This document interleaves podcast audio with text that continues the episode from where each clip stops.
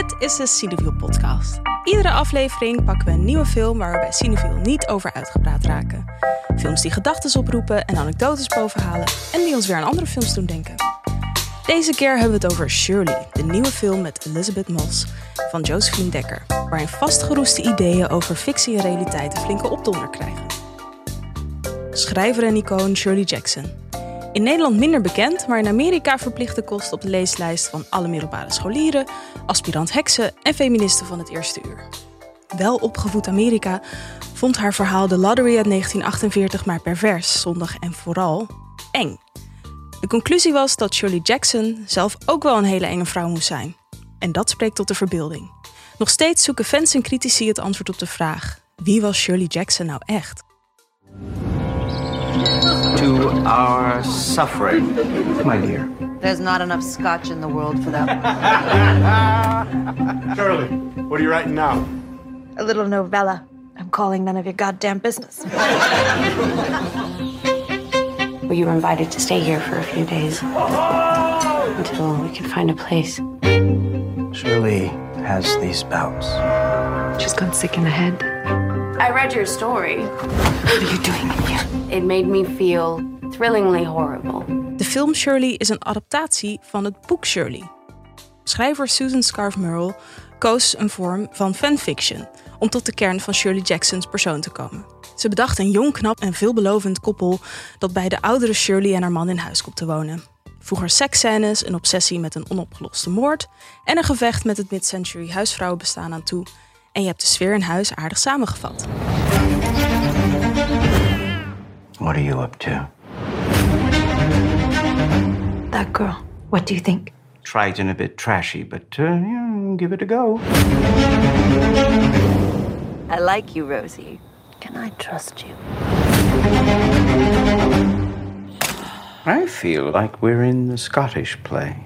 On the verge of madness. What will happen? We gaan het hebben over Shirley. Over films, over mensen die daar misschien helemaal niet op zitten te wachten. En over cinema die de grens van de biografie opzoekt. Mijn naam is Maan Milker en ik ben redacteur bij Cineviel. En naast mij zitten mijn collega's Lauren Murphy en Fien Veldman. Welkom. Welkom. Dankjewel. Oh nee, hallo. Ook welkom. En blijf ook vooral luisteren, want aan het einde van de podcast schuift een hele speciale gast aan, namelijk Elias Wazian. Hallo, DJ slash producer. Zijn debuutalbum Vrij van, Dro- Vrij van Dromen met filmische liefdesliedjes is deze zomer onder luid applaus verschenen. Hij is een grote filmliefhebber. Niet heel luid, maar wel applaus. En misschien was het je net al opgevallen. Elias is verantwoordelijk voor de spik splinternieuwe tune van de Cineviel podcast. Yeah. Waar we heel blij mee zijn. Dus welkom allemaal. Nou, Lauren, Fien, we hebben een rare zomer achter de rug. Die vakantie Mhm. naar, wat zal het zijn, Nicaragua, Ethiopië of eh, Zuid-Frankrijk. Die kon helaas niet doorgaan. Zelfs de wadden was lastig. Ja. Eh Lauren, ben je iemand die in plaats daarvan eh, met die dikke Michelle Obama biografie op het strand Nee. heeft gelegen? Nee. Ik ben volgens mij de enige die die niet gelezen heeft. Ik heb ook niet bijna ik heb ook niet gelezen. Ik ben wel haar podcast aan het luisteren. Die overigens heel erg leuk is. Eh, maar ik ben niet zo'n Nee? Ik lees meer fictie. Liever fictie. Maar goed, oké, daar komen we zo Ja. op. Wat is dan fictie? maar ik ben in ieder geval... Ik lees weinig autobiografieën. En ik weet niet of dat is... Want de, de paar die ik wel heb gelezen... Ik herinner me dat ik toen ik heel jong was... de biografie over de Beach Boys heb gelezen. Want daar was ik toen heel erg fan van. en dat was natuurlijk heel juicy. Want zij gingen op een gegeven moment met de Manson Family... en heel veel LSD en zo. Nou, super vet. Dat vond ik eigenlijk heel interessant. Ja, Maar op de manier zijn dat nooit de boeken waar ik om vraag voor mijn verjaardag. Nee. Zeg maar. en Fien? Nee, ik ook niet. Ik lees ook eigenlijk veel meer fictie. En ja, biogra- autobiografieën sowieso, die vertrouw ik voor geen meter. en eh, biografieën, mm, nee, niet, niet echt. Nee, nee. En biopics bijvoorbeeld, films, eh, mm, nee, ik kijk alleen wel muziekdocumentaires. Dus dan gaat het wel heel Ja, ja. erg over het leven Ja, van muzikanten. En dat vind Maar ik wel vet. Maar volgens mij is het ook meer het beeld wat ik heb van biografieën en dus ook van biopics dat ik dat niet leuk vind. Terwijl in de praktijk dat ik dan altijd denk dat het zijn hele stoffige historische. Ja. Terwijl in de praktijk vind ik het ook zeker met biopics vaak best wel goed. Ja. Dus dat is een soort vooroordeel. Ja, ja, het gaat natuurlijk alle kanten op. Een beetje van eh, komt een vrouw bij de dokter tot aan eh, Malcolm X. Weet je wel. Het Ja, daarom. ja, dat klopt. Ja. Het is geen touw aan Ja. vast te knopen. Maar oké, we kunnen dus concluderen dat we qua Jij ook film. niet. Nou, ja, ik moet zeggen, ik heb wel een zwak voor van die muziek biopics, waarin dan bijvoorbeeld Beyoncé Etta James naspeelt. Of Ja. Dus Idol, Diana Ross die. Billie Holiday Ja, doet. vet, nou, ik vind dat gewoon chill. Ook gewoon omdat ik dan al die muziek allemaal kan meezingen. Ja, dat vind ik dat ook- is ook heel leuk maar het is ook weer zo problematisch. Want bijvoorbeeld die film waarin Beyoncé Etta James aan doet, Cadillac Records. Daar heeft Etta James... Zeg maar, Beyoncé is er toen helemaal vandoor gegaan eigenlijk met Etta's... eh, Met James's eh oeuvre. Weet je, heel veel concerten gedaan en weet ik veel. En Etta James heeft toen echt een paar keer gezegd van... Ja, sorry hoor, Nee, was maar... het er echt niet mee eens. Wie hè? denk je wel niet dat je bent? Maar wie, wie was nou ook weer? Etta James heeft toen gezegd wie zij wel vond dat haar had mogen Oh, dat weet ik spelen. niet. Dat oh, ik weet het niet meer. Ja, dat oh, Oh, dat wil ik gaan we zo even opzoeken. Ja, er was, ze had iemand anders zeg maar wel voorgedragen, Ja. maar dat was het niet geworden. Oké, maar we hebben hier, we hebben het vandaag over Shirley. En eh, nou ja, zoals ik net al een beetje vertelde, dat gaat dus over Shirley Jackson. En dat is wel degelijk een bestaand persoon. Ze is geboren in 1916, overleden in 1965. Ehm, ja, zoals ik net al. geworden. Nee, niet heel oud geworden. En ehm, ja, de, de- zij is ook iemand die heel erg tot de verbeelding spreekt. Zij is eigenlijk niet heel erg bekend als eh, persoon. In de zin van, ze deed geen televisieoptredens of radiooptredens. Ehm ja, dat was in die tijd misschien ook minder, zeker voor Gebruikelijk, schrijvers, ja. gebruikelijk. Maar eh, toch is het zo dat, weet je, er zijn biografieën over haar. En nu ook een, eh, ja, dus deze film waarin Elizabeth Moss haar speelt. En ook wel op een manier eh, waardoor ik heel erg benieuwd was ook naar de vrouw Shirley Werd, Jackson. ja, precies. Ja, dat ook. Ja, fascinerend persoon. Ja, gewoon erg Ja. atypisch ook. Ja. Ja. Maar zij is eigenlijk pas na haar dood bij het grote publiek, maar ook dat is relatief. Want in Ja. Nederland inderdaad denk ik dat heel veel mensen... Het is uit- omdat ze horrorschrijver is in het genrewereldje, kent denk ik iedereen er wel of heeft. Maar onbewust ken je er misschien beter of zo dan je denkt, Ja. toch? En zij is, tijdens haar leven had ze ook al wel wat succes. Ik weet niet precies. Ja, Wel, ja, en zeker- de lottery had ze ja, Ja, maar, niet, maar niet zo. Volgens mij wel daarna ook vooral nog. En de laatste paar jaar. Ja. Want ze heeft dan eh The Haunting of Hill House, een van haar boeken, is net in een Netflix-serie ehm, gestopt. Dat is een vreemde manier van het verwoorden. Tot een Netflix-serie Ja. omgeschreven, gevormd, gefilmd. Ja, en wat ik ook begreep was dat de lottery, dat dat ook echt zo'n typisch, zo'n typisch verhaal is. Wat je dan de middelbare school, weet je, waar je Ja, doorheen Op moet. je leeslijst. Ja. En dan lees je het en dan denk je, wauw, dat was eigenlijk toch stiekem wel. Ja, maar dat zijn sowieso veel dingen van je chill. leeslijst, toch? Dat je denkt, waarom zag ik daar zo tegenop? Wel Ja. boeken. Nou ja, ik weet Niet allemaal. Nee. Maar de lottery is ook, ja. want ik heb het dit weekend gelezen. Dat Ja. zeg maar, lees je zo doorheen. Hij is echt Ja, eh, het is een heel kort verhaal. Ja, het Ja. werd Ja. dus gepubliceerd in de New Yorker. En dat is eh, ja, zo'n weekblad, eh, Amerikaans weekblad, waarin, waarvoor haar man eh, Stanley Hyman, die was daar recensent. En eigenlijk wordt haar verhaal, of Shirley Jackson's leven, wordt ergens ook, zeker in de eerdere biografieën, best wel getekend door hoe zij, ehm, ja, hoe dat gezin eigenlijk bestond dus uit een man en een vrouw die allebei eh, schrijversambities hadden. Alleen die man die was professor aan de universiteit. Ehm, die was recensent bij de New Yorker. En weet je, die, die had, die had alle prestige. Die had alle prestige, maar zij was gewoon echt de betere. Mhm. En eh, zeker in die tijd waar haar verhalen ook over gaan, eigenlijk vaak kleine stadjes of een soort hele bedrukte sfeer van huiselijkheid, van je aan de regels houden, traditie, American. Dream. Ja. Ja, echt die mid-century huisvrouwen traditie. ja. Ja, ze zocht de horror echt in hele alledaagse dingen. Zeg ja, maar. ja. ja. En dat was eigenlijk, zeker ook omdat het dan door haar als vrouw dan werd geschreven, was dat eigenlijk zo atypisch of Mhm. controversieel, hoe je het ook wil noemen, dat dat, ja, dat dat ook echt zijn weerslag heeft gehad op hoe mensen naar haar keken. Ja. En dat vind ik op zich wel een interessant gegeven, waar deze film, eh, ja, want toen jullie hem voor het eerst, eh, toen jullie hem zagen, hadden jullie toen het idee van, wow, dit is hoe het echt is gegaan? Of kunnen jullie misschien uitleggen wat er een beetje gebeurt in de film? Als je ervan uitgaat dat het allemaal de feiten zijn, de film. Maar dan later hoor je dus inderdaad dat allemaal dingen ook van buiten zijn gelaten. Die heel veel uitmaken voor hoe je vervolgens naar Shirley Jackson kijkt. Ja. Dat ze vier kinderen had bijvoorbeeld. Ja, Ja, die helemaal niet in kinderen deze, kinderen niet in verdwenen. deze film. Ehm, zij zit in, de, in een. In, ja, zij woont in dat huis met Stanley dus. En zij organiseren. Ze hebben best wel een groot sociaal leven. Ze organiseren van die hele intellectuele Ja, van die reading parties en, en- etentjes. En ehm, waar iedereen dan kransen op zijn hoofd doet en zo. Best wel freaky ook, toch op zich.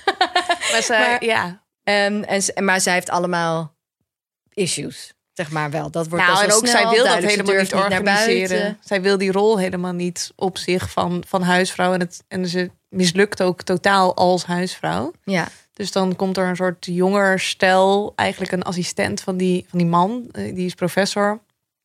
En dat stel, eh, dat is eh, de man van het stel, is dus die assistent.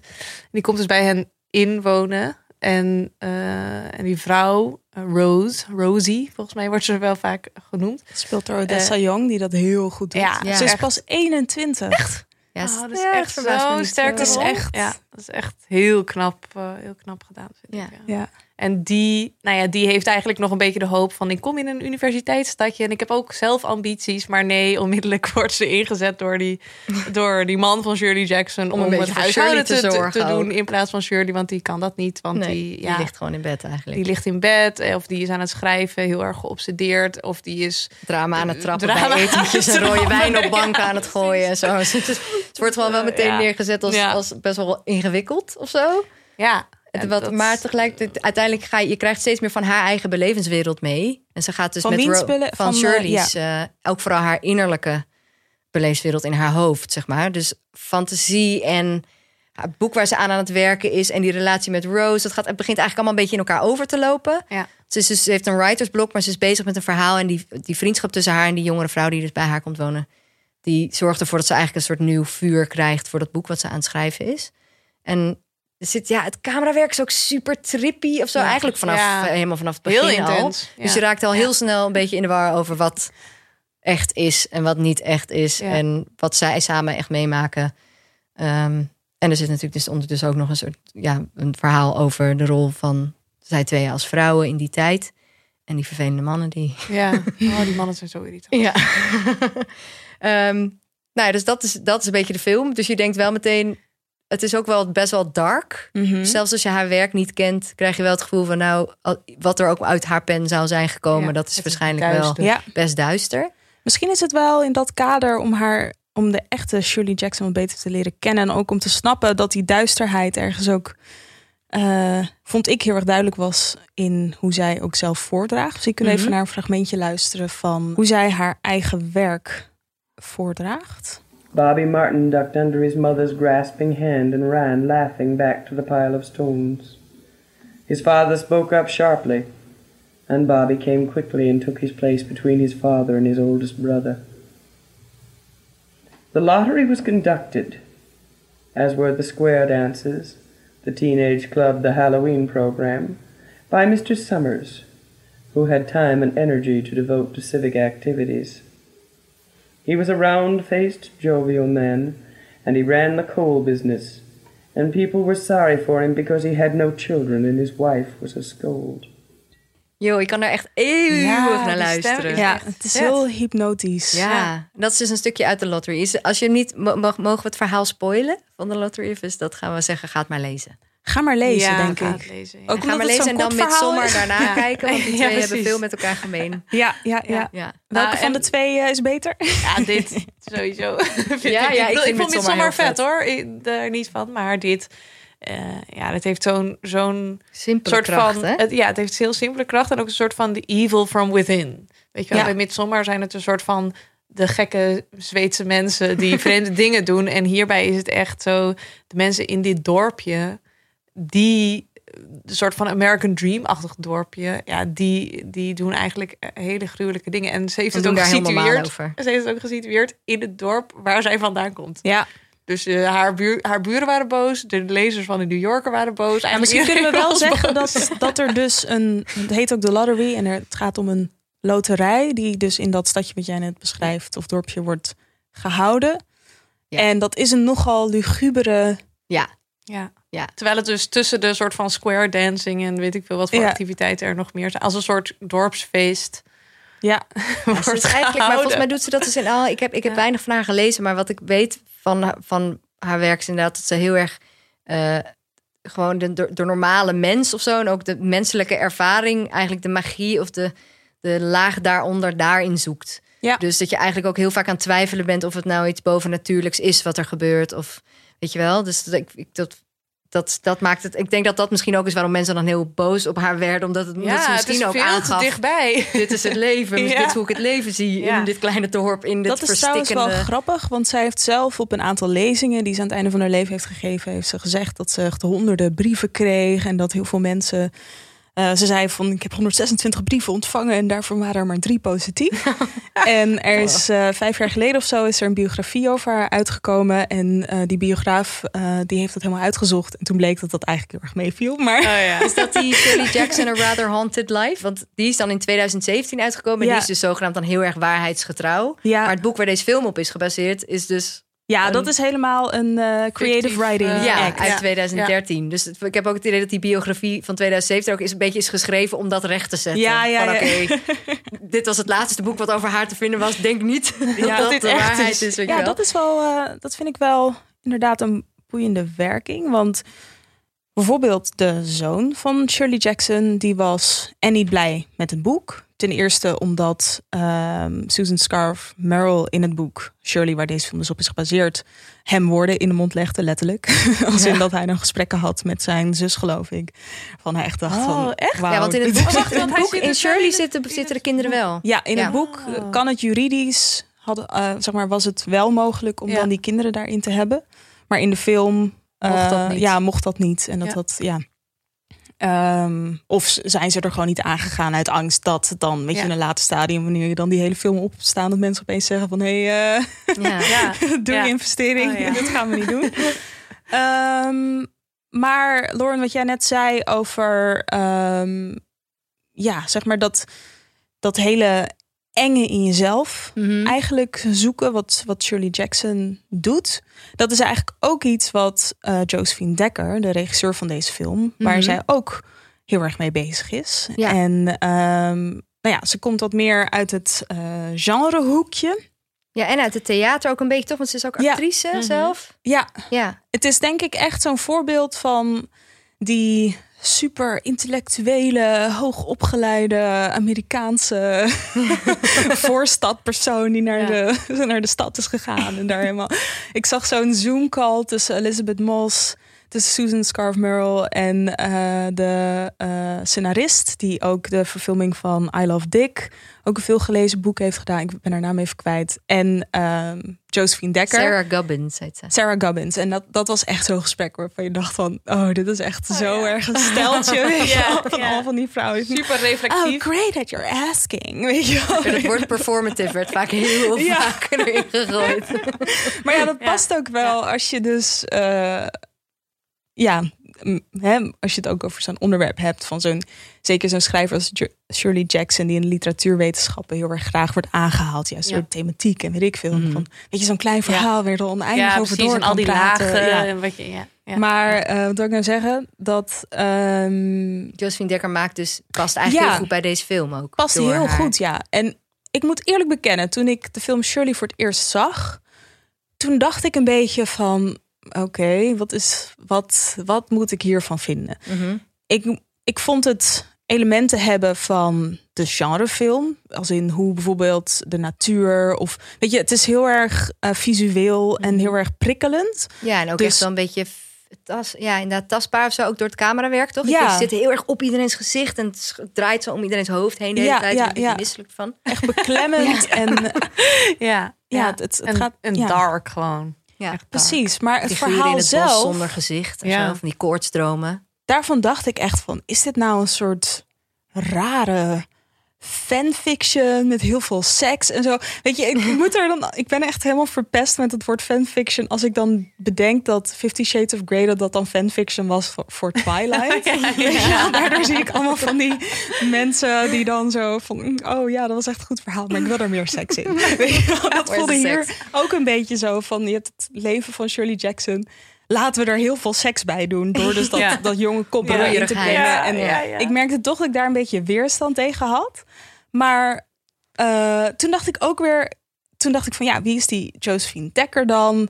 Toen ging ik haar film kijken, Madeline's Madeline. Haar vorige film uit eh, 2018. Die is heel goed ontvangen. En ik vind dat ook terecht. Want dat was echt een film waardoor je opeens snapt... Wat, waarom deze film Shirley wel klopt. En waarom ook dat kitscherige wat er misschien aan zit, dat dat vond ik eigenlijk uiteindelijk wel gerechtvaardigd. Ehm, maar daar had je die andere film voor nodig. Had ik echt die andere film voor nodig. Want uh, ik weet niet of jullie hem hebben gezien. Ja, een stuk. Maar niet helemaal, maar dat gaat super trippy. Eigenlijk, ook over die vraag van... Um, Oké, je hebt iemands leven. Je bent een maker. Hoe ver kan je eigenlijk gaan met aan de haal gaan van die persoons... Manipuleren. Ja, leven, manipuleren, maar ook gewoon echt dat verhaal vertellen. Dus het gaat over, gaat over ja. een, een theaterregisseur die een soort van bezig is met haar met haar grote werk. En ook, ja, dus er hangt best wel veel van af voor haar. En dan heb je een jong meisje, volgens mij is ze 16. Die heeft psychische problemen, ehm, is opgenomen geweest. En een soort van voor haar is die theatergroep waar ze sinds kort bij zit, met alleen maar volwassenen eigenlijk, is haar grote uitlaatklep, waardoor het weer beter met haar gaat. En eigenlijk is zij een soort van het toonbeeld van iemand die zowel door haar leeftijd als door haar psychische staat binnen het verhaal niet helemaal uh, voor zichzelf kan spreken eigenlijk. Of niet, hè, misschien altijd mhm. de situatie kan inschatten op een manier hoe ze dat wel zou kunnen doen als ze misschien wat ouder was. Mhm. En die regisseur, die, zij denkt echt van wow, dit is echt zo'n mooi verhaal. En dat meisje, weet je, die heeft ook helemaal geen grenzen of zo. En ik weet niet, daar zie je gewoon heel erg goed die wisselwerking tussen hoe fout het soms ook kan zijn om als maker met iemand in zee te gaan. Iemand te gebruiken eigenlijk. Ja, eigenlijk wel. En dat is natuurlijk ook een vraag in documentaire bijvoorbeeld. Weet je wel, van hoeveel kan je... Hoeveel mag je nou eigenlijk tonen van iemands leven? En ja, oké, iemand heeft er misschien mee ingestemd. Maar weet die persoon ook waar die eigenlijk mee instemt? Ja. En eigenlijk heeft ze dan bij, bij Shirley heeft ze zelf die rol aangenomen, een beetje van ja. die theatermaker in ja. Madeline. Ja, hoe edit je ook iemands leven, weet je wel? Want ik bedoel, je kan wel zeggen, oh, ik ben er gewoon bij met een camera. Maar ja, uh, zoals je leert van elke reality show ever, uh, weet je gewoon van ja, daar. Objectieve waarheid kan bestaat zo, niet. Uh, nee. Ja, nee. zo anders worden. Ja. Maar dus wel grappig zij... dat ze dat, dat heeft gedaan. Terwijl Madeline's Madeline klinkt ook een beetje als een kritiek juist daarop. Ja, of echt een experiment. Als in, Het was ook een film, vond ik, zonder uitkomst. Dus het was oh, niet zo van dit is goed of dit is fout. Het was een dit gebeurt. Ja. En dat gaf wel een soort beklemmend of verstikkend of vervelend gevoel. Er zitten ook scènes in waar je dan echt een beetje vervelend over voelt. Ja, echt een naar lichamelijk oh, gevoel hield ik aan over. Ja. bij Shirley ook wel. Weet je, ook juist door dat door dat je af en toe zo in haar hoofd zit en niet zo goed weet hoe je daar dan ook uit moet komen. Ja. Vond ik echt wel verstikkend, best wel verstikkend werken. Bij Madeline's Madeline, wat ik ervan heb gezien, nog veel meer. Ja. Dan wil je gewoon echt buiten uit haar hoofd breken af en toe. En hoe vond je dat Elizabeth Moss Shirley neerzetten, Fien? Ja, ik vond dat wel uh, heel sterk. Ja, zij durft, zij durft gewoon heel veel als uh, acteur. Dat, dat zie je bij haar sowieso al in heel veel verschillende rollen, maar hierin ook echt. Want waar uh, kunnen we haar nog meer uh, van kennen? Volgens mij is ze echt Tale, ja, bekend geworden door de Handmaid's Tale, ja. dus de tv-serie. Ze is eigenlijk bekend geworden als Peggy uit uh, Mad Men. Oh ja, ja, ja. Oh ja, inderdaad. ja. Oh ja, dat is al een tijd En Top of the Lake heeft ze ook zo'n serie gedaan. Was ook super, Ze is echt, ik vind haar heel vet. Ja. Ze is heel. ja, ze is echt heel veelzijdig. Ja, en we hadden het er bij het voorgesprek toch ook over van dat zij eigenlijk de acteur is waar je de laatste zo vijf jaar of zo. Dat ik denk dat ik op niemand zo dicht op haar gezicht heb gezeten alsof dat van haar. Alle Ze kiest even niet altijd rollen uit waar de camera soort van in de neus zit. En heeft dan ook gewoon echt helemaal geen schaamte om nee. er best wel lelijk af en toe uit te zien. Of nou in deze film zeker is ze, nou ja, waardoor je ook denkt van, oh ja, is dat. Jij zei dat volgens mij een maand toen we het erover hadden van, ik ben, ik ben toen, ze willen natuurlijk laten zien dat zij voor toen zich niet gedroeg als een stereotype vrouw. Um, maar dat, dat eigenlijk wij dus nog steeds niet echt gewend zijn om in films of überhaupt misschien wel vrouwen zo te zien. Ja, als zij in deze film zonder make-up en met een bril op altijd. En een buik. Ja. En weinig bewegen en veel wijn drinken, zeg maar. Dat is het beetje wat je bij haar ziet meer hier. Ja, het is echt zo'n soort. Ja, gewoon super realistisch. Ja, maar dat vind ik dus interessant. Want het, het, het, praten, daarvan zijn geluidsopnames. Maar mhm hoe zij zat, bijvoorbeeld, wat, wat Elizabeth Moss best wel op een tekenende manier doet. alsof het echt niet ergonomisch. nee, een hele bewuste keuze voor hoe Shirley Jackson in bed lag. Dat is weer iets wat, waarvan ik dan denk van... Hoe weet je dat? Hoe weet je dat? En ook, waarom kies je er dan voor om dat op zo'n niet flatteuze manier te doen? Ja, weet je, dat brengt ons weer een beetje bij de, terug bij de vraag van... Ja, is dit dan een biopic, maar dan meer fan, fan-fictionalized biopic? Of is dit echt iets echt een totaal ander genre. En Elizabeth Moss zei daar zelf het volgende over.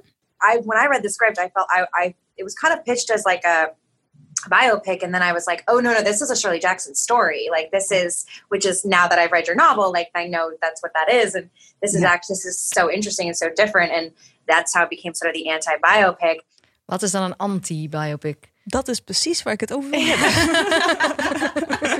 Alles wat niet een biopic is, Maar dan moet je eerst, voordat je wil weten of iets anti iets is, moet je eerst weten wat iets is. Ja. ja. Wat is een, een, een, biopic? Ik had even op Wikipedia gekeken en als je, daar wordt het omschreven als a biographical film or biopic. Abbreviation for biographical motion picture is a film that dramatizes the life of a non-fictional or historically based person or people. Um, tells a single person's life story rather than a whole history, or at least the most historically important years of their lives. Hmm. Uh, ja. Maar Meer een soort memoir dan een, dan een autobiografie bijvoorbeeld. Ja, maar, maar dat ik ook denk, er staat al dramatizes bij. Dus dan dat is toch een soort vrijbrief van ja, dan kan je dus toch ook gewoon alles mee doen. Dus Wikipedia geeft eigenlijk Josephine Dekker compleet gelijk in, in wat ze ervan zou willen maken. Ja, ja dat maar is eigenlijk. Wel, uh... Maar ja, dramatize, ja, je zou het ook kunnen zien gewoon als een soort van. Dat is je vertelt gewoon. Ja, dat is per definitie als je een film maakt. Is het gedramatiseerd, want, het zijn, want het is met acteurs. Maar goed, het, vind het, ik vind het persoonlijk altijd een beetje zo'n soort non-discussie over docudrama versus docufictie versus biopic versus biofictie. Biopic en alles erop. Weet je, van uiteindelijk. Ja, ik ben zelf heel groot fan van Werner Herzog, omdat die altijd zegt van er is zoiets als ecstatic truth noemt hij dat dan. Dus dat is gewoon het is mijn waarheid. Het is een waarheid. Het is wat je erin ziet. Het is misschien niet de objectieve waarheid, maar die bestaat ook niet. Dus weet je wel, als het vanuit de plek in je hart komt, die soort van ecstatic, die hij dan ecstatic truth noemt, dan is het een waarheid. Preach. Dat zit ik in preach, toch? dat vind ik een mooi. Ik snap wat je zegt, maar ik denk ook dat dat. Hè, dat heel veel mensen toch wel veel belang hechten aan die genre-indeling. Dus als ze zeggen van het is een documentaire, dan is het, dan een, is het een documentaire. En een documentaire is geen fictiefilm. Ik bedoel, dat vond ik heel interessant bij de première van uh, Drama Girl van Vincent Boy Cars. Toen bij het uh, bedankwoord, was op het uh, filmfestival, toen zei de producent, die zei van ja, dit was eigenlijk wel een moeilijke film om te, om bekostigd te krijgen. Want we konden hem niet plaatsen. Ja, het is zowel een documentaire als een gedramatiseerde film, zeg maar. En dat is ook het hele onderzoeksproject van de film. Maar de fondsen die liepen daar een beetje op vast. En dan was ook de ene van, ja, maar je hebt toch geld van hun gekregen. En dan was de andere van, ja, maar je hebt toch... Die zijn gewoon ingedeeld. Van, oh, die willen van alle mannetjes eten. Dus dat is wel, ik weet niet, je, je, je, misschien niet alleen om artistieke redenen, maar uiteindelijk misschien om financiële redenen of om wat er op de Cinefiel site als klassificatie kon staan. Nou, wij doen dat om die reden ook niet. Oké, okay, ja, we taggen niet op genre. Ja. Omdat dat zeker, ik heb ook het idee dat het met de jaren ook minder makkelijk te doen is. Ja. Heel veel, heel veel makers vinden het ook interessant om die grenzen natuurlijk op te zoeken. En de Kingmaker, een hitje van deze zomer. Ja, ja die documentaire over Imelda Marcos. Die heb ik nog niet gezien. ja, die heb ik wel gezien. Ja, dat was, die vond ik echt heel cool. En dat, nou, dat, dat vind ik dus een heel goed voorbeeld van waarom je autobiografieën nooit moet vertrouwen. Want ja. uh, Imelda Marcos, die... Die liegt gewoon alles Ja, die liegt echt alles bij elkaar. Maar eigenlijk moet je documentaire daardoor ook ja, toch een beetje, nou ja, in ieder geval kritisch blijven bekijken. Want ja, het zijn heel vaak mensen die iets over zichzelf vertellen of mensen die iets over een bepaalde situatie vertellen waar zij in zaten. Ja, dat is ook gewoon een en al. Ik wil niet de hele wereld relativeren, maar het is toch wel heel veel perceptie. Ik moest misschien sowieso over nadenken net toen jullie aan het praten waren. Namelijk mensen die op hun leven terugkijken. Moet ik iets dichterbij vragen? Ja. die op hun leven terugkijken, die liegen sowieso de helft. Omdat je niet meer precies weet hoe iets gegaan is. En je vaak gewoon dingen toevoegt aan een verhaal. Ja, dus je hebt er ook zelf een verhaal van gemaakt. Ja, precies. Al, precies. Het is 60 jaar geleden. Ja. ja. Dus, dus, dus de bron van, van veel biopics is al niet helemaal. Ja, dus degene die het verhaal vertelt. Dus dit, de autobiografie en dit en Shirley ja. van het vers daar vandaan. Juist. En daartussenin zit echt allemaal tussenstappen voor heel veel ja. ruis. Ja. ja.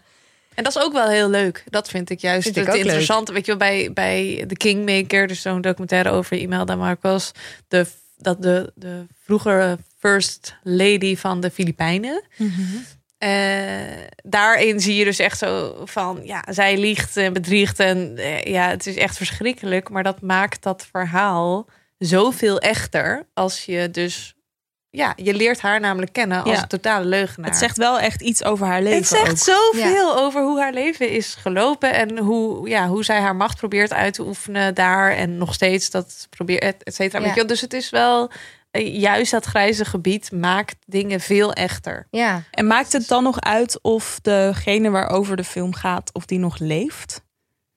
Ja, kijk, maar dit, maar er is natuurlijk ook nog verschil tussen een documentaire en een, een film die wel al aangeeft: het is een fictiefilm. Ja, maar we zijn, hebben net al gezegd dat dat niet uitmaakt. God. Nee, maar volgens mij heeft het wel te maken met waar je, hoe erg je aan het publiek niet onbewust voor de gek houdt. Denk ik toch. Ik moet bijvoorbeeld denken aan zo'n film als I, Tonya of zo. Ja. Waar dan heel erg... Over de ijs... eh, ja, over Tonya Harding heet ze volgens mij. Ja. Ja. Ehm, en dat zijn dan... Dat wordt, zij wordt gespeeld door Margot Robbie. Dus je weet, nou, dat is zij niet echt, want het is een actrice. Maar ze wordt, er is de hele tijd een soort van verwijzing naar dat het misschien maar voor een deel waar is. Met recht in de camera kijken. Af en toe zeggen van dit geloof je toch niet. Ja. Weet je, een soort van meta. En dan kan je veel meer maken. Dus ik denk ook bij, bij Shirley, volgens mij hebben ze, pretenderen ze ook niet dat dit de volle waarheid is. Dus Nee, ja, wat, nee, nee, waar, dat kan de familie wel heel boos worden. Ik denk dat er ergens in het persbericht iets verkeerds is gaan toen het als een biopic werd Ja. omschreven. Maar er is misschien nog niet een goed woord voor wat dit dan is. Ja. Dat is het, denk ik eerder. Ja. Eh, maar en of iemand nog leeft, ja. Ik denk dat niet. het wel maakt wel uit, want anders gaat iemand zich er tegenaan bemoeien. Ja. Maar Of dat heb je ook wel met, dus. inderdaad, met mensen die bijvoorbeeld eh, Samuel Beckett of zo, die heeft toch zo'n soort van regel, zeg maar, ook al is hij dus al lang dood, dat zijn erven he- houden dan zeg maar heel erg de regel in stand dat bijvoorbeeld eh, Waiting for Godot, dat is dan zijn, zijn beroemdste werk, dat mag nooit gespeeld worden door vrouwen. en nog steeds niet. Staat ergens contractueel. in Ja, dat will. heeft dan zo'n Nederlandse From the theatergroep grave, een keer gedaan. En dan kregen ze meteen eh, zo'n hele, die, al die eh, mensen op hun dak. Ja, echt. dus dat kun je heel lang, en zo'n legacy kun je toch best wel lang. Maar ik denk wel, als je nog leeft, ja, ik weet niet, als, als er een biopic Nee, over jou wordt tuurlijk, dat is helemaal verschrikkelijk. Maar ja, als iemand niet meer leeft, krijg je dus het probleem van... is dat dan ethisch wel oké? Want dan kan iemand er ook niks meer over zeggen. Ik weet, je hebt ook de Iron Lady, die biopic Oh ja. over Ja. Margaret Thatcher... gespeeld door Meryl Streep. Ja. En daar wordt zij best wel ook gewoon eigenlijk heel, heel menselijk eh, in beeld gebracht. En daar kan je je ook van afvragen van... nou, ten eerste denk ik dat Margaret Thatcher dat helemaal niet leuk had gevonden. Nee, zeker niet. En ten tweede is het ook haar tegenstanders, of met die vinden, die denken ook van ja, wat, wat kom je nu met eigenlijk een veel te zachte handschoen iemands leven? Dus de andere kant van de, van de munt, zeg maar. Ja. Ehm, of vice versa, dat iemand alleen maar heel lelijk wordt afgeschilderd en geen weerwoord meer kan geven. Ja.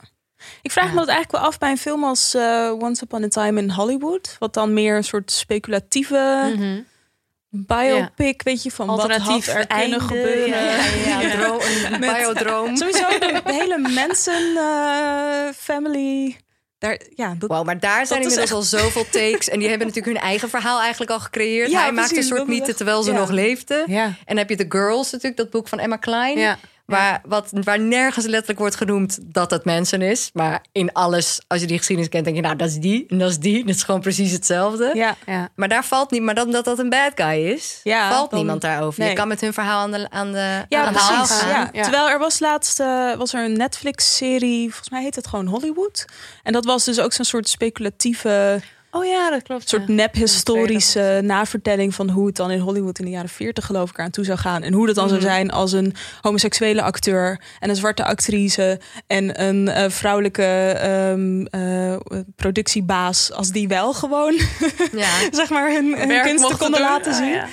En daar viel echt half kritisch, eh, dan vooral zeg maar critici uit Engeland en Amerika vielen daarover. Allemaal van die zure mensen van, ja, dat kan toch echt nooit zo geweest zijn. En het is eh, valse geschiedschrijving. En dan denk je echt van, hè, hoezo vallen jullie daar nu opeens over met zoiets positiefs? Ja. En bij alle, negen, zeg maar, bij alle andere verhalen, dan misschien over negatieve gebeurtenissen. Of weet je, zoals Once Upon a Time in Hollywood. da- Ja. Daar is het allemaal prima en daar is het kunst en zo. Ik weet niet. Je kan ook aan de receptie van zo'n film misschien ook wel weer merken.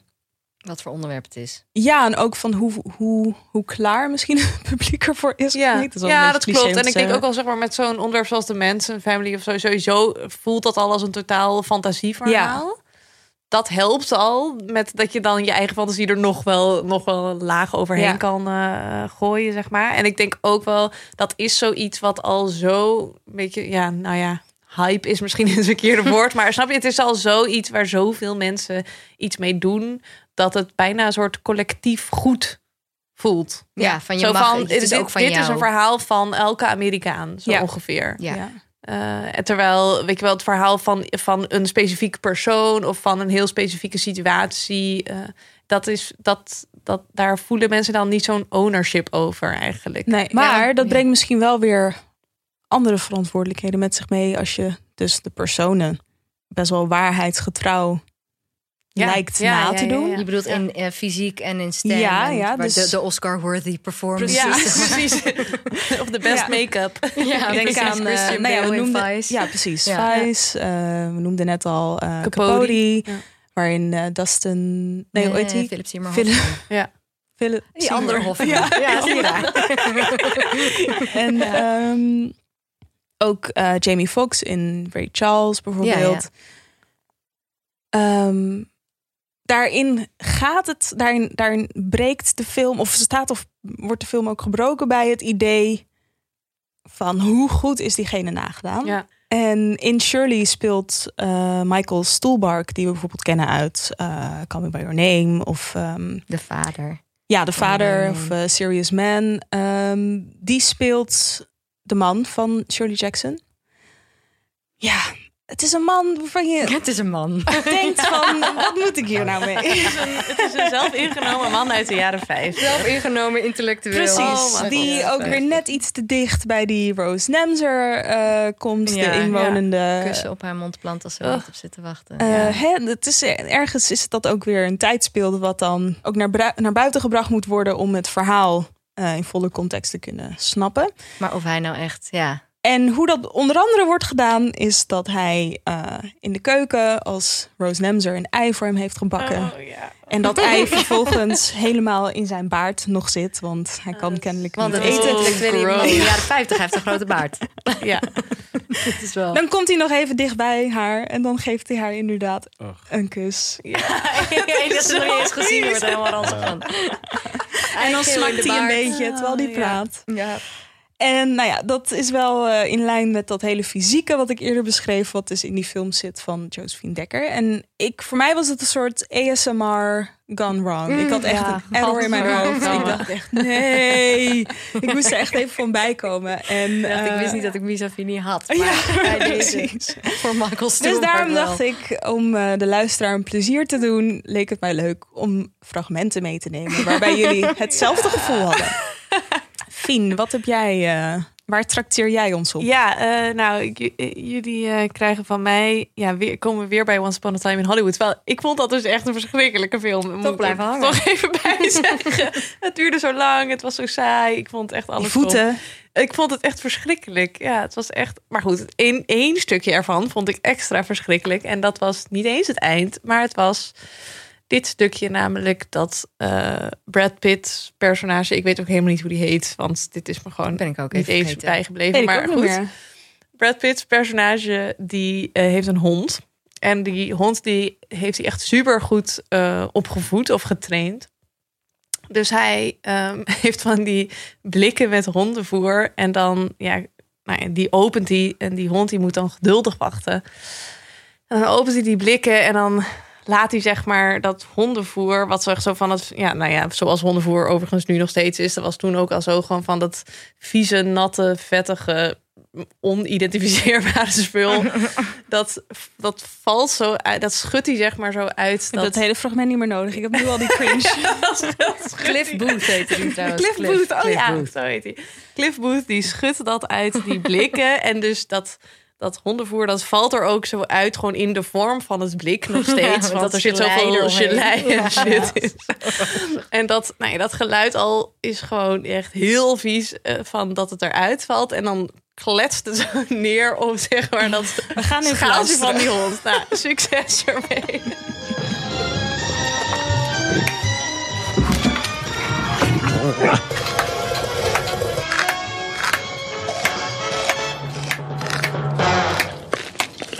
Numbers game.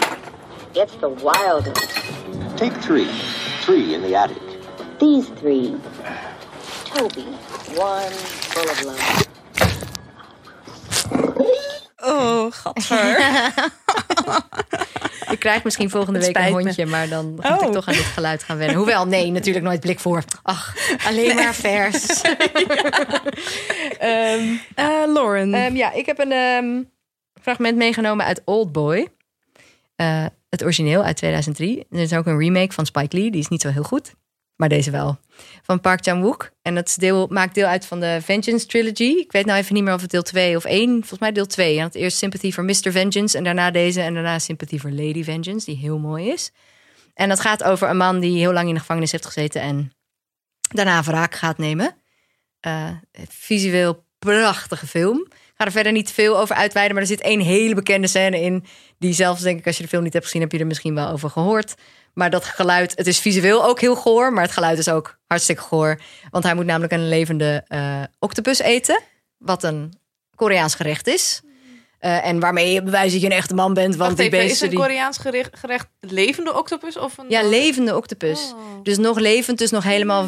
helemaal die, is zo'n beest dat... dat Tentakels dat, die zo- dat zuigt zich zeg maar vast in je keel. En zo is heel hard bijten.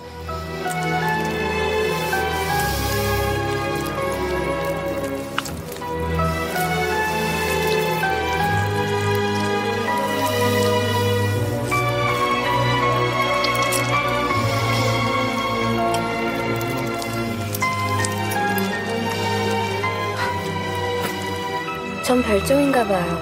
손이 굉장히 차거든요.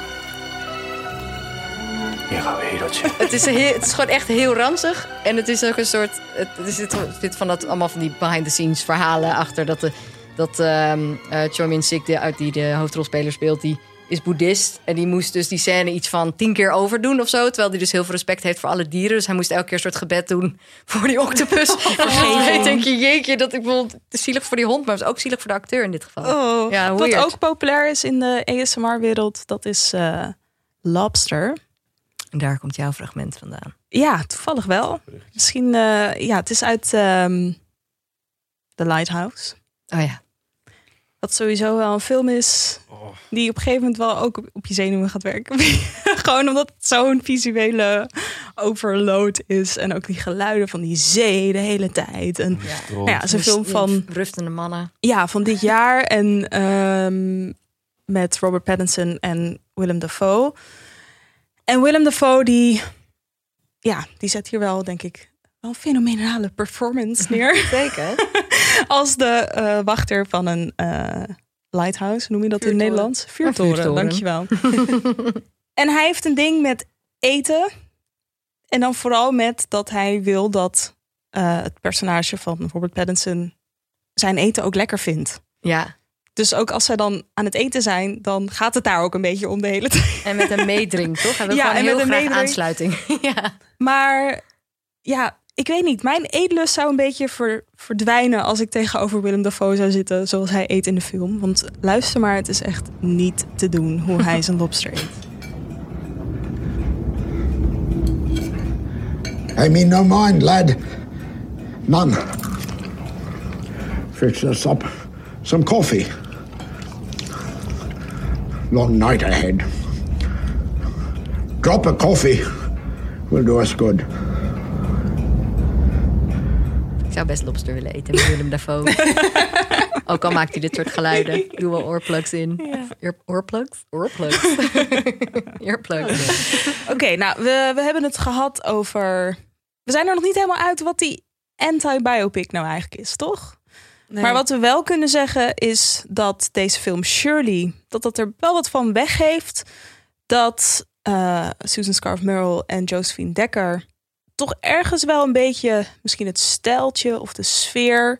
van de boeken van Shirley Jackson zelf Mhm, hebben proberen ja. na, te, nou, na te doen. Dat klinkt dan weer denigrerend. Ja, te- Dat vind ik ook een vraag. Van als je dan hè, zo'n zo'n biopic maakt, doen, of niet een biopic, maar gewoon een film. En je doet dat in de stijl van de schrijver waar het over gaat. Of je zet die schrijver Ben je in. dan niet aan het plagi plagiëren? ja, maar is dat dan een dikke middelvinger van... Sorry hoor, maar ik kan dit dus nog, nog beter. Ja, nou, ik denk dat die mensen Of- het zelf zien als een soort eerbetoon. Ja. Dat, denk, dat tenminste, dat, dat neem ik een beetje aan, in ieder geval van deze film, dat dat echt een eerbetoon probeert te Dat zijn aan haar. Ook een fan is. Ja, aan, en ook Jackson. gewoon, ik, ik snap die mix wel, maar het is ook inderdaad, het heeft, het heeft bijna een soort van iets arrogants. Zo van, Ja, precies. oh, Shirley Jackson, wat jij deed, dat kan ik ook. Wij hebben een camera. Ja, dat ga ik nu laten zien. Ja, nee, dus dat, ja, dat klopt, ja. Dat, Is dat iets wat we vaker zien in films over schrijvers, die Ja. spanning? Fien, Ja, kan jij daar wat meer over vertellen? ja, je bent een schrijver. Ja. ja, ik denk dat heel veel eh, films over schrijvers toch wel ja, die soort van biografische elementen van een schrijversleven en eh, de inhoud van het werk heel erg door elkaar laten lopen. Dus, dus ja, een beetje, je hebt zo'n regel in de literatuur eh, van de, de dood van de auteur. Weet je wel, zo van je moet naar de tekst kijken, naar het werk en niet naar wie het heeft geschreven. Dat doet er eigenlijk niet toe. Nou, die regel die wordt niemand echt, zich aan. Nee, Nee. die wordt echt Maar dat is toch ook- En dat is ook wel heel leuk hoor. Ik bedoel, ik vind dat ook juist, dat maakt sommige films echt tot wat er zo bijzonder aan is. Bijvoorbeeld als ik kijk naar ehm eh, The Hours, naar een boek. Nee, dat is een boek van Michael Cunningham, maar het gaat over Virginia Woolf en over haar werk, specifiek Mrs. Dalloway, een roman die zij eh, schreef. En ja, In The Hours is best een, een, een bekende film, denk ik, ehm, uit hem niet gezien, moet ik 2002. zeggen. ken de Ik ook. Echt. Ja, die poster. ja, van Ja. Nicole Kidman als Virginia Woolf. Onherkenbare Nicole Dat was Kidman toen ook. inderdaad, nou kwamen we weer terug op iemand nadoen en daar Ja, een Oscar voor precies, misschien wel ja. niet voor winnen. Inderdaad, dat, is, eh, dat, dat klopt. En daar zelfs in die, volgens mij in die Oscar, dat ze bekendmaken dat zij hem wint, maakt degene die dat bekend maakt ook nog een grapje over die neus. Want dat is eigenlijk waardoor Dat is waar ze dus de Oscar helemaal- voor heeft Ja, gewonnen. precies. Zo, zo klinkt het wel een beetje. Echt heel erg. Maar goed, maar die film, ja, die is wel echt supergoed. En dat, tenminste vind ik heel goed. En dat is eh, heel duidelijk een, een combinatie van het leven van Virginia Woolf en hoe zij leeft met haar partner Leonard Woolf. Ehm, maar het gaat ook bijvoorbeeld over een huisvrouw in de jaren 50. Dan heb je weer huisvrouw in de jaren 50. Een terugkerend thema in de literatuur. Maar goed, eh, huisvrouw in de jaren 50 die dan ehm, Mrs. Dalloway leest. En je hebt dan nog een verhaal ehm, eh, dat is gesitueerd in 2001. En dat is eigenlijk het verhaal van Mrs. Dalloway, maar dan dus de 2001 versie. Eh, dus eigenlijk die drie dingen die lopen gewoon totaal door elkaar. Dus het verhaal, de lezer van het verhaal, de auteur van het verhaal. Nou, en zo. En ja, zo heb je oh, ja, bijvoorbeeld een recenter voorbeeld is eh, Little Women. Eh, tenminste, ik heb alleen maar de versie van Greta Gerwig gezien. Maar daarin gaat ook heel erg het verhaal van Joe, de hoofdpersoon. Die is ook schrijfster. Heel, in heel veel boeken is de hoofdpersoon ook schrijver. Dat Ja, is, ja. nou ja, Ja. goed. Typisch natuurlijk. Dus je vraagt er ook een beetje om dan. Je vraagt er een beetje om, maar goed. Die Joe die schrijft dus een boek en daar gaat de film over. Maar dan uiteindelijk eh, wordt haar verhaal eigenlijk ook het verhaal van eh, Louisa May Alcott, die dus echt de auteur is van Ja. Little Women. Ja. Dus ja, heel vaak gaat dat echt totaal door elkaar heen. En ehm, Ik ja, doe dat me ook dat- denken, nu we het erover hebben, aan die film Julie and Julia. Ook met Meryl Oh, Streep. Meryl Streep. Meryl Streep sowieso echt. Meryl Streep zit overal in. zeker. Hours. Maar daarin heb je dus niet een schrijver van boeken die zeg maar aan de Ja. haal gaat met eh, in dit geval dus een kookboekschrijver, maar heb je een blogschrijver wat in Ja, die tijd toen ja. dat toen die blogs uitkwamen was het helemaal van oh my god een blog. Hier moeten we iets mee. dus dat is ook heel leuk om dat dan nu weer terug te zien dat dat dan is verfilmd, Ja. want dan legt Ja. dat ook weer die Ja. noviteit van de blog. Ja, toen echt zo'n tijdsbeeld zo. is dat. dat Ja. vind ik altijd leuk. En gewoon een hele fijne film vind ik dat. Ja. Maar, ehm, Nee, maar dat hele idee van, van een, het verhaal van een maker die bezig is met iets, vaak een soort magnum opus, Ja, ja. wat Ja. dan overvloeit in Ja, iemands eigen klopt. leven Ja. of zo. Dat een is soort dat van zit- Synecdoche, New York. Maar dat is het grappige. Dat is eigenlijk doet Shirley wat dat betreft helemaal niet iets heel nieuws. Nee. Er zijn natuurlijk heel veel. Dat, dat is, het is, ik vind dat heel interessant om dan juist een beetje aan de haal te Ja. gaan met een ander werk en daar dan je eigen dingen overheen te gooien en met elkaar het daarover te kunnen hebben, zoals wij nu doen. Maar ik denk dat het dat de mensen, de, waarschijnlijk de mensen die de grootste kritiek hebben, zijn ook de fans zelf. Ja, Dus je hebt niet ja, alleen want de, ja, dan de doe je het al heel de- snel niet goed, denk nee, ik. die weten hoe iemand echt was. Precies. Ja, of hoe, of Ja. hoe iemand het echt had bedoeld. die Toch? Ja, en zeker als iemand er dan niet meer is, dan kan hij ook geen weerwoord meer geven. Of Ja. zeggen, jongens, jullie zitten er allemaal naast. Dit is wat ik ermee bedoelde. Nou, over fans gesproken. We zitten hier aan tafel met iemand waar wij wel fan van zijn, maar die nog gewoon leeft. En hier zelf zit. Wanneer komt de biopic? We zullen niet heel Oh, jezus. kritisch. Ik leef nog. Oh ja. Elias, hallo. Hallo. Ja, je, je was net al eh, te horen, heel fijn. Af en toe. Dat, eh, ja, over Shirley Jackson eh, gesproken. Volgens mij ben jij de enige aan tafel die The Haunting of Hill House, een bekend werk van haar, Ja. heeft gele- gelezen. Ja. Ik zei dat ik het vorig jaar had gelezen, maar ik denk dat het nog langer geleden is. Dus ik heb niet meer de precieze eh, verhaallijn in mijn hoofd. Of de- wel de hoofdlijnen. Ehm, maar ik had eerst die serie gezien. Toen, en toen dacht ik, oké, ik wil het boek ook lezen.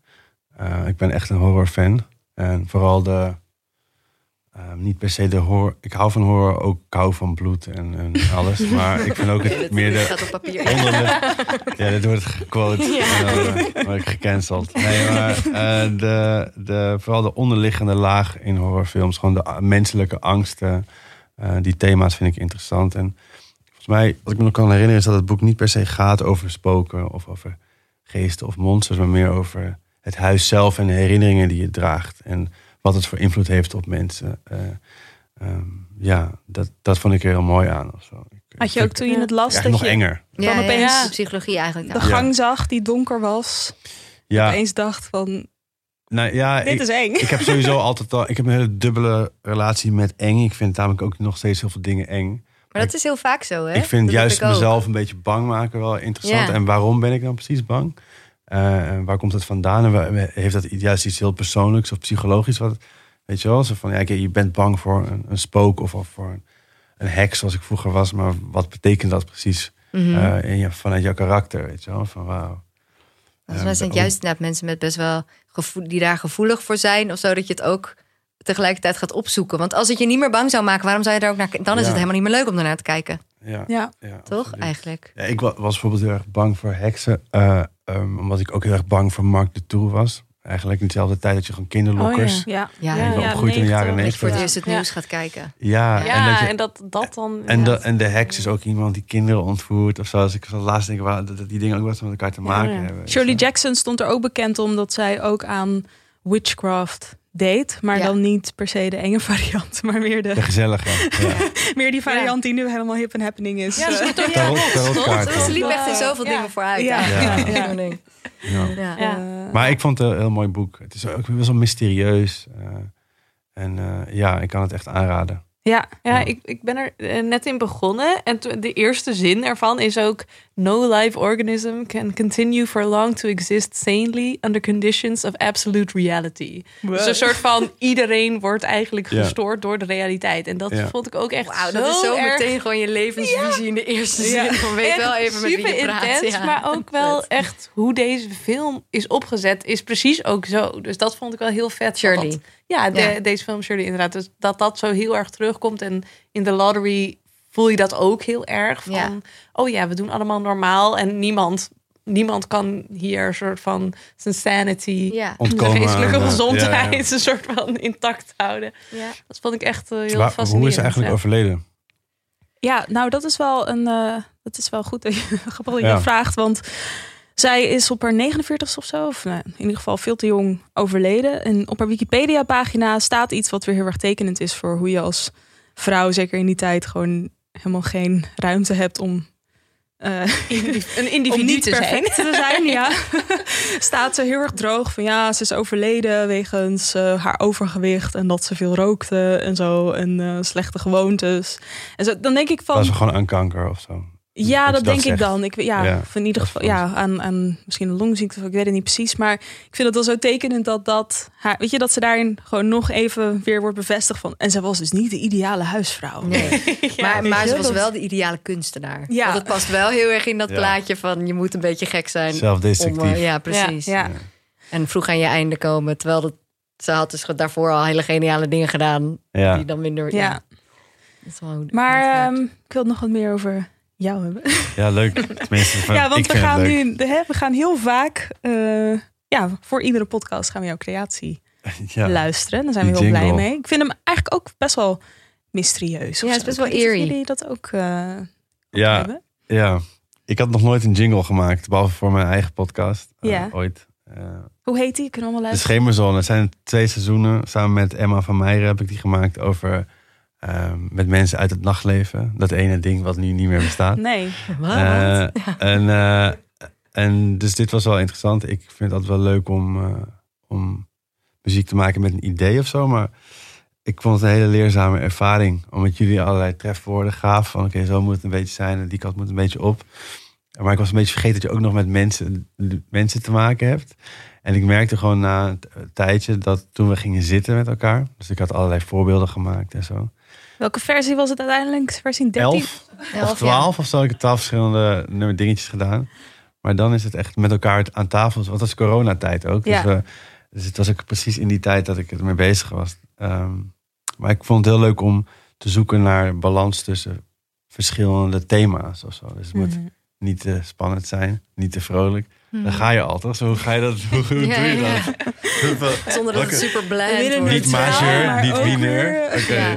Ja, want we hadden inderdaad een paar dat, je dan, dat, we, dat, je dat, dat we ernaar luisterden en dachten... ja, maar nu wil ik alleen maar over hele zware dingen praten. Ja. Of nu wil ik het, het Ja, is of een juist soort van- party. ja, of juist party. En dan kan je het eigenlijk niet over een serieus film hebben. En Ja. toen deed je een paar soort van wizard Ja. tricks. En toen was het zo... Ah, oh, maar hier hoor ik stemmen overheen. Ja. Dus dat is toch ook in combinatie met stemmen. Ja, wa- wat ik, ik, ik, ik, onderbrak mezelf zoals altijd weer net. Eh, maar wat ik wilde zeggen is dat toen ik eenmaal met jullie aan tafel zat, in plaats van via de mail eh, over die muziek te praten, toen ging het in één keer veel sneller. Mhm. Omdat ik jullie gewoon kon zien en met jullie kon en het kon laten horen. Dus ik vond het uh, super leuk om te doen, maar ook heel leerzaam. Om, Ja. Hoe ga je, als je iets voor iemand maakt, eh, behalve, ik ben gewend om muziek voor mezelf te maken. Hoe ga je dan, eh, hoe ga je het proces in, weet je wel? Wat is handig en zo. Dus Ja. wil je daarvoor ook even bedanken. Ja, wel. Ja, jij hebben nu eigenlijk een eigen jingle. Ja. Ja. Niet meer die Lost Translation rip-off. Eh, Hebben jullie nog geen, eh, doorvertellen. geen, geen, eh, geen rechtszaak? of Nee, zo, eh, maar volgens eh, mij spelen we ook net een beetje Ja, glitchy af Beer of zo. toen een soort van gepro- opnieuw geproduceerd, inderdaad. Voor, eh, Maar eh, deze zomer is jouw album eh, Ja, uitgekomen. ja. Heb je wel een beetje tijd gehad daarnaast om eh, bijvoorbeeld naar de film te gaan? Nou ik, ik, eh, ik was heel blij toen je, weer naar, toen je weer naar de film kon. Ik heb heel veel films gekeken toen ik thuis zat. Ik had bijvoorbeeld een, een fase dat ik allerlei cla- classic concertregistraties ging kijken. Ik heb allemaal- Oh, echt? Van, van wie? Ja, Stop Making Sense van ja. Talking Oh, ja, Heads. en gewoon al die Ja. Klassieke Voelde dat niet juist een soort cru? Dat je dus Ja, niet daarheen... Zeker omdat je. DJ bent. Snap Ja. je? Kan ik me voorstellen dat het Zeker. gewoon echt Ja, het is helemaal nee, het was vervelend best is. wel, juist wel een soort therapie of zo. Geconfronteerd worden met je trauma's. Eh, Weer die horror. ja, ik zie je Roy. Ja, ja, ja. Ik, ja, ik, ik ben sowieso echt een rare guy.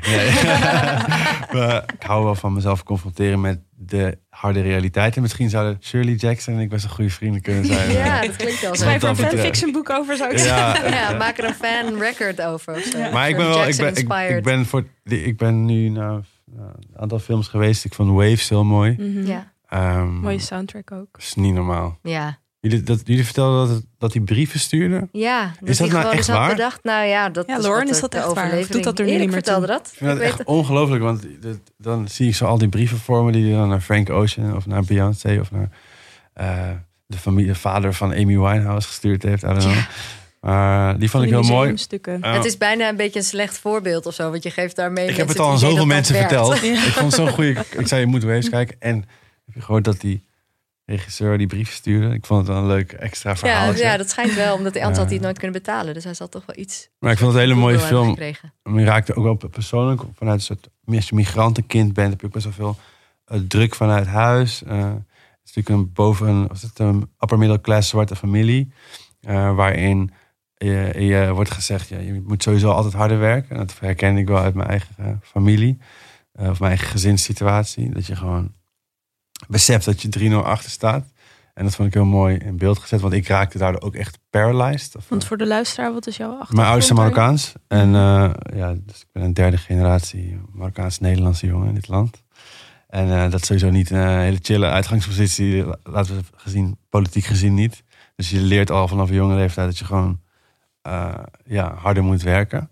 Eh, maar dat het dus ook gewoon beklemmend kan zijn. Vond ik heel mooi aan die film. Dat, Mm. dat die jongen gewoon, dat, dat, er gaat iets mis op een gegeven moment. Hij, hij houdt het niet vol, eh, die druk. Eh, die vond ik heel mooi. En ik heb eh, Baby Teeth gezien eh eergisteren. Vond ik ook heel mooi zonder de dingen te verklappen. Want jullie hebben hem allemaal niet gezien, toch? Nee. Ja, het gaat er wel gewoon... een podcast over Andere helft Ik de moest, ik moest dus denken aan het nummer van Rihanna, We Found Love. Daar zingt ze We Found Love in a Hopeless Place. Sowieso echt een goede, goede track. Maar dat, daar gaat die film een beetje over. Een soort van te midden van die ziekte, verliefd worden ehm, en daar dan volledig voor gaan. Maar ja, ik vond het een hele mooie film. De tijdelijkheid van de liefde. eh, dat, dat zelfs de mooiste dingen kunnen ophouden. Dus ja, die, die, dat zijn twee films die ik heb gezien en die ik eh, op deze manier even wil Vaker bij de aanraden. podcast aanschrijven. Ja. Als je zo omschrijft. En dan was helemaal, helemaal alleen maar luisteren.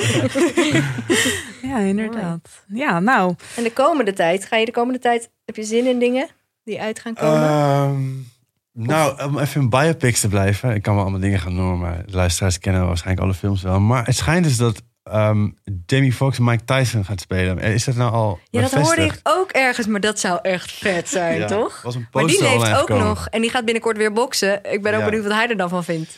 Ja. Mike Tyson is die met die tatoeage op zijn gezicht. Ja. Toch? Die in de Ja. Met de hangover witte ook tijger. zat. Of niet? Ja, Ja, Mike Tyson is denk ik de grootste, grootste bokser daarvan van na Muhammad Ali. Echt in de jaren- in de jaren negentig. Van heavyweight champion. Ja. Ja. Sloopte iedereen helemaal kapot. Eh, maar is ook wel een interessante karakter. Jongen uit Brownsville, Brooklyn. Ja, hele heftige jeugd gehad. Ja. Ehm, en eh, nu is hij een moslim, volgens mij. Hij is helemaal eh, in, eh, in, eh, in het leven van God getreden. Dus ja, daar heb ik heel veel zin in. En ehm, als hij uitkomt. ja. Ja, dat is nog maar de vraag natuurlijk. Ja. ja, Sowieso het Ja. idee dat Jamie Foxx echt goed, die volgens mij best wel goed zijn rollen kiest, Oh ja, toch? Want hij, hij, maakt helemaal niet zo heel heel veel veel, films. nee. En de meeste Nee. die hij dan doet, is hij echt zo goed in. ja, Vet.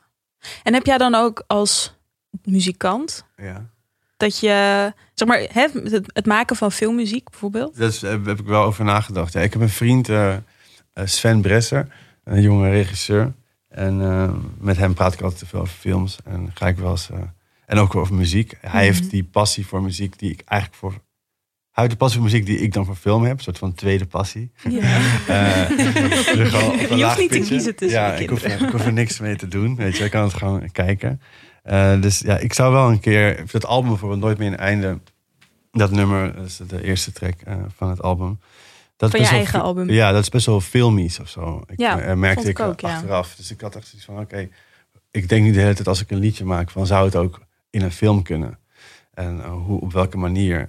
En ook op welke wijze maak ik het dan? Zou ik dan Heb je al brieven ontvangen van regisseurs dat ze jouw muziek in, in hun film willen? Ja, nee, ik, eh, ik deel mijn postadres niet. maar ik... eh, Geen fanfiction? Nee, nee. Maar ik, ik, ik zat te denken van hoe, hoe zou ik het dan willen doen? Zou ik echt een opdracht zoals nu, Ja. dat ik een film zie en daarna muziek maak? Of zou ik het leuk vinden als iemand een liedje wat al bestaat in een film Ja? Dat vind ik eigenlijk nog wel toffer. Ja. Want dat, dat, vind, dat is de kracht van interpretatie of zo. Als je iets Ja, maakt, dat klopt. dan is het daarna pas weer... Het is, je maakt een liedje en daarna is het niet meer van jou. Dat zeggen ze altijd, toch mensen? Hey, het is niet meer van mij. Eh, maar, maar, Het is nu van de wereld. het is niet van de wereld. Maar ik denk, ik denk dat, dat, dat, dat, dat- Ik vind het heel feit als een nummer opnieuw wordt geïnterpreteerd. Dat het, eh, eh, zoals in Waves bijvoorbeeld. Frank Ocean mag je van mij betreft overal inzetten. Maar je gaat, je gaat het gelijk linken met, met, met het narratief of zo. Ja, dat klopt. En het krijgt ook echt een hele nieuwe laag. Ja. Zo, ik zat te denken aan bijvoorbeeld Band Defie, die, die film van Celine. Sciamma. Ja. En dan zit er zo- dat- zo'n nummer van Rihanna, Diamonds, zit Ja. daarin. En dan gaan ze dat zo Zo'n allemaal- nummer van Rihanna. Een van de beste nummers ooit. Het is echt een briljantste nummer. En in die film, nou ja, dan Maar komt We dus Find Love ook, toch? keihard weer terug. En dan denk je echt van, wow, dat is echt zo vet. Ik, gedaan. ik vind die film ehm, eh, waar Alex Turner van uh, ja, Submarine. Die, die heeft dan weer een heel, dat vind ik ook fantastisch. Ja. Het heeft gewoon een heel ja, EP of album gemaakt Ja. voor die film. Wat ook echt waanzinnig is. Dus ja, ik denk dat ik allebei er wel zou willen. Maar het zit zeker in mijn hoofd. Ja, Ja. absoluut. Moet je doen. Nou, we zullen het zien. Ja. Shirley is vanaf 17 september overal in Cineville te zien. En ehm, dat was hem alweer voor vandaag. De Cineville podcast. We hebben het uitgebreid gehad over Shirley dus. En natuurlijk over veel meer films. En bijvoorbeeld over Elias muziek. Ehm, als je dat lijstje nog eens even rustig na wil lopen... dan kun je de titels vinden in de show notes. Wil je meepraten? Dan kan dat, graag zelfs. Door even een mailtje te sturen naar podcast.cineviel.nl... of door te tweeten naar Cineviel Pod. Wat vonden jullie van die? Ja, mooi. Horda. We zijn er snel weer met een gloednieuwe podcast. En ga tot die tijd vooral lekker vaak naar de film in Cineville. Want er komen weer superveel mooie films aan. En Lauren, welke, welke onder andere? Welke onder andere? Uh, Begin met C. Oh, oh, Candyman. Candyman schijnt eindelijk toch te worden uitgebracht eind Voor de trouwe uh, luisteraar. november, oktober. Die ja, weet maar... hoeveel dit voor Lauren betekent. ja, precies. Maar het kan zijn dat hij alweer vooruit wordt geschoven. En dan heb ik het gewoon weer erover de volgende keer. En het NFF komt eraan. Nederlands Filmfestival. Die doen uh, acht... Op locatie, toch? Ja, acht premières op locatie. Dus zowel in Utrecht, maar dan ook in theaters in andere steden. Omdat ze kan je daar dan met je Cineville pas heen? Kan je ook met je Cineville pas heen. Geweldig. En ze hebben een heel online programma. En ik heb de openingsfilm gezien. En daar gaat de volgende podcast ook over. Boulado. En dat is echt een hele mooie film. Dus ook de Nederlandse film zit toch weer even in de lift. Dus dat, uh, daar werd ik eigenlijk heel vrolijk van. Ja, gelukkig. Ja. Um, en sowieso, volgens mij de komende maanden zie je wel, het, uh, het filmseizoen is weer binnen de beperkingen ja. van corona best wel even weer een beetje losgebarst. Er komen echt goede, goede titels aan. Bedankt voor het luisteren. En heel veel dank aan jou, Elias. Opdat de tune nog lang in ons hoofd mag blijven klappen. Ja. en uh, ik wil Dag en Nacht Media bedanken. En mijn collega's Lauren Murphy en Fien Veldman. Nee. Doei. Doei.